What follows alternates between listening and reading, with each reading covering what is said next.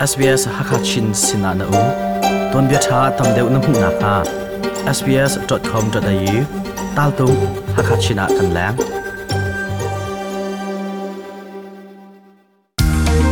Mirang hol chon nak ni nanun nak a thlen kho SBS Learn English Mirang hol chon nak a Mirang hol long selawin Australia ram min ha anun phung chon chi asilai zebutuk podcast na man mi kip in ngai kho ase SBS นี่มรังหลจนนักอตัวมรังหลชิมเล่จนเปียกปาอินออสเตรเลียรมีนาอันก็สักหนึ่งเลอันนี้ชนเบียกหนึ่งจงจนชีอสิไลมรังหลเทียมหนักนี้ออสเตรเลียรมควรนสักหนักอะตัมปีอันบอมชันไลอัมหนุงบิกจนหนักรักง่ายวีดิงกันซม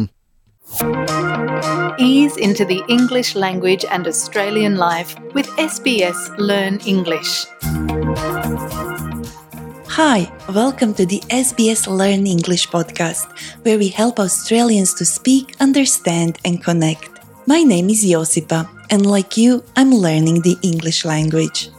Today, we are learning different ways to say we like or dislike something. We'll also find out how the two most famous Australian desserts, Lamingtons and Pavlova, got their names. But before we get into all that, let me remind you that we have learning notes, quizzes, and transcripts on our website, so you can keep learning after listening.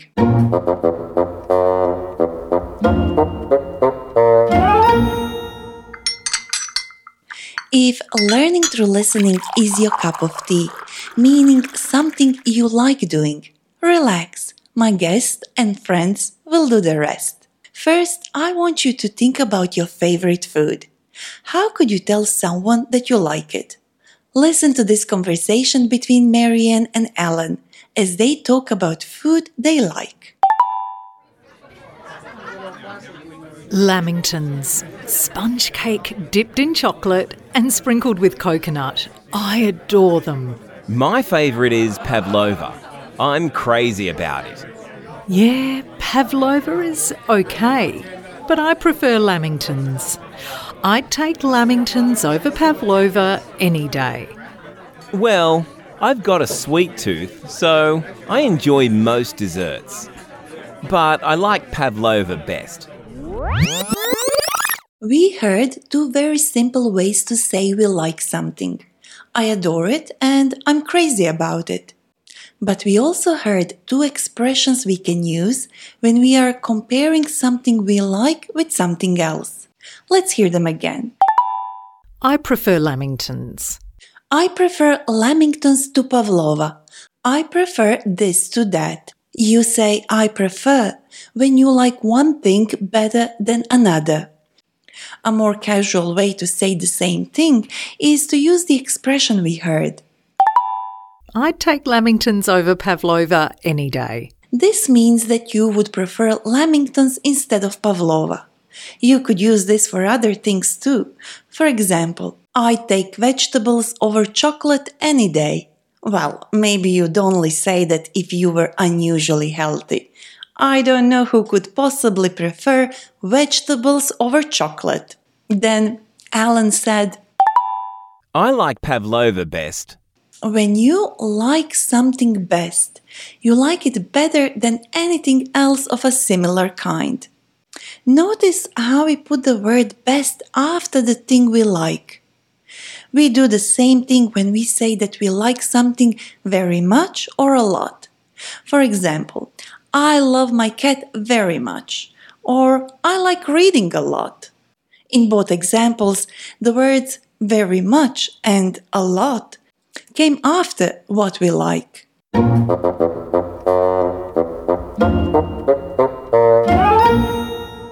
Let's now turn our attention to things that don't float our boat. If something doesn't float your boat, it means that something doesn't seem exciting, attractive, or interesting.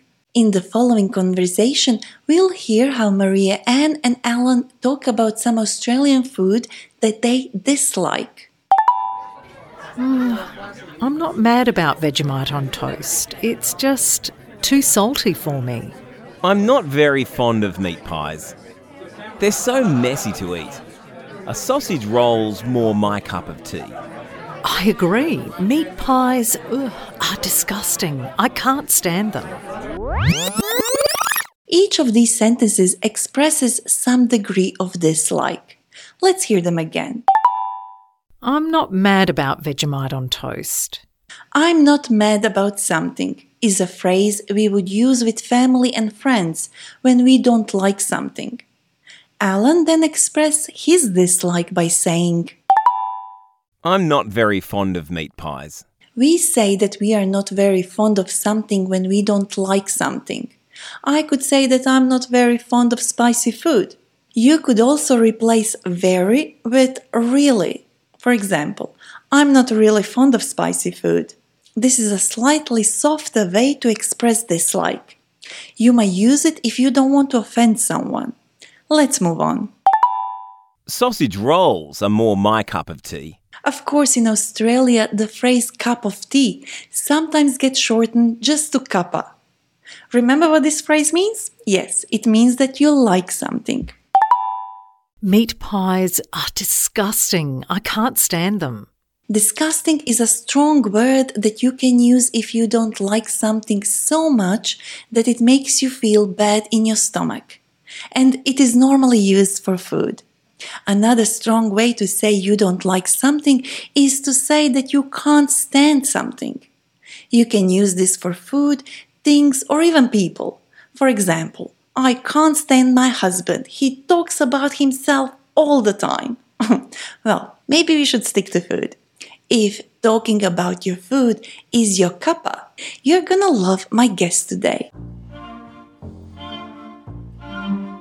Massimiliano is a friend and colleague from SBS Italian, a mastermind behind a very successful podcast called The Ugly Ducklings of Italian Cuisine. Massimiliano, why the ugly ducklings? The Ugly Ducklings of Italian Cuisine is a fresh portrait of Italian food. We talk about ugly looking food that people either detest or are mad about. You don't have to understand Italian to listen to this podcast. No, we have an English and Italian version, and they are both equally popular.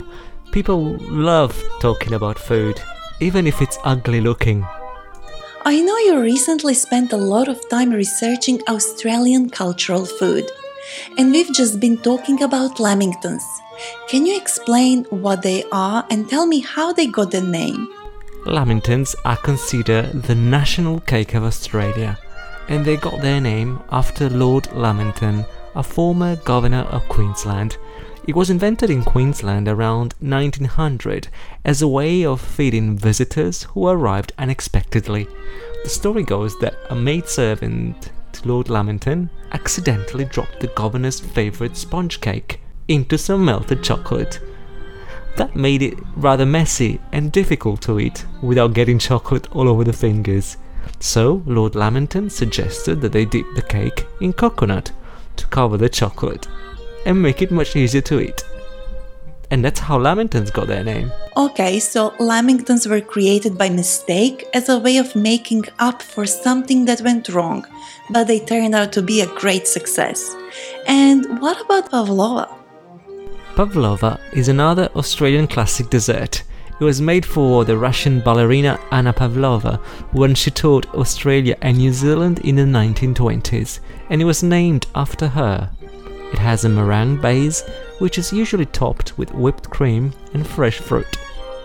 Australia and New Zealand have been arguing for many years now over where the dessert was first served, but it is now a firm favourite in both countries. Interesting, I didn't know that. Thanks for sharing, Massimiliano. Grazie a te. That's thank you in Italian. Grazie, that's awesome. We learned how to say thank you in Italian. But now it's time for us to revisit English expressions we learned in this episode. See if you can answer these questions. When something is your cup of tea, it means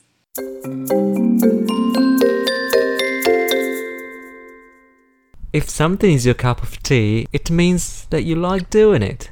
Equally, you can say that something is not your cuppa when you're not very interested in that thing. If something doesn't float your boat, it means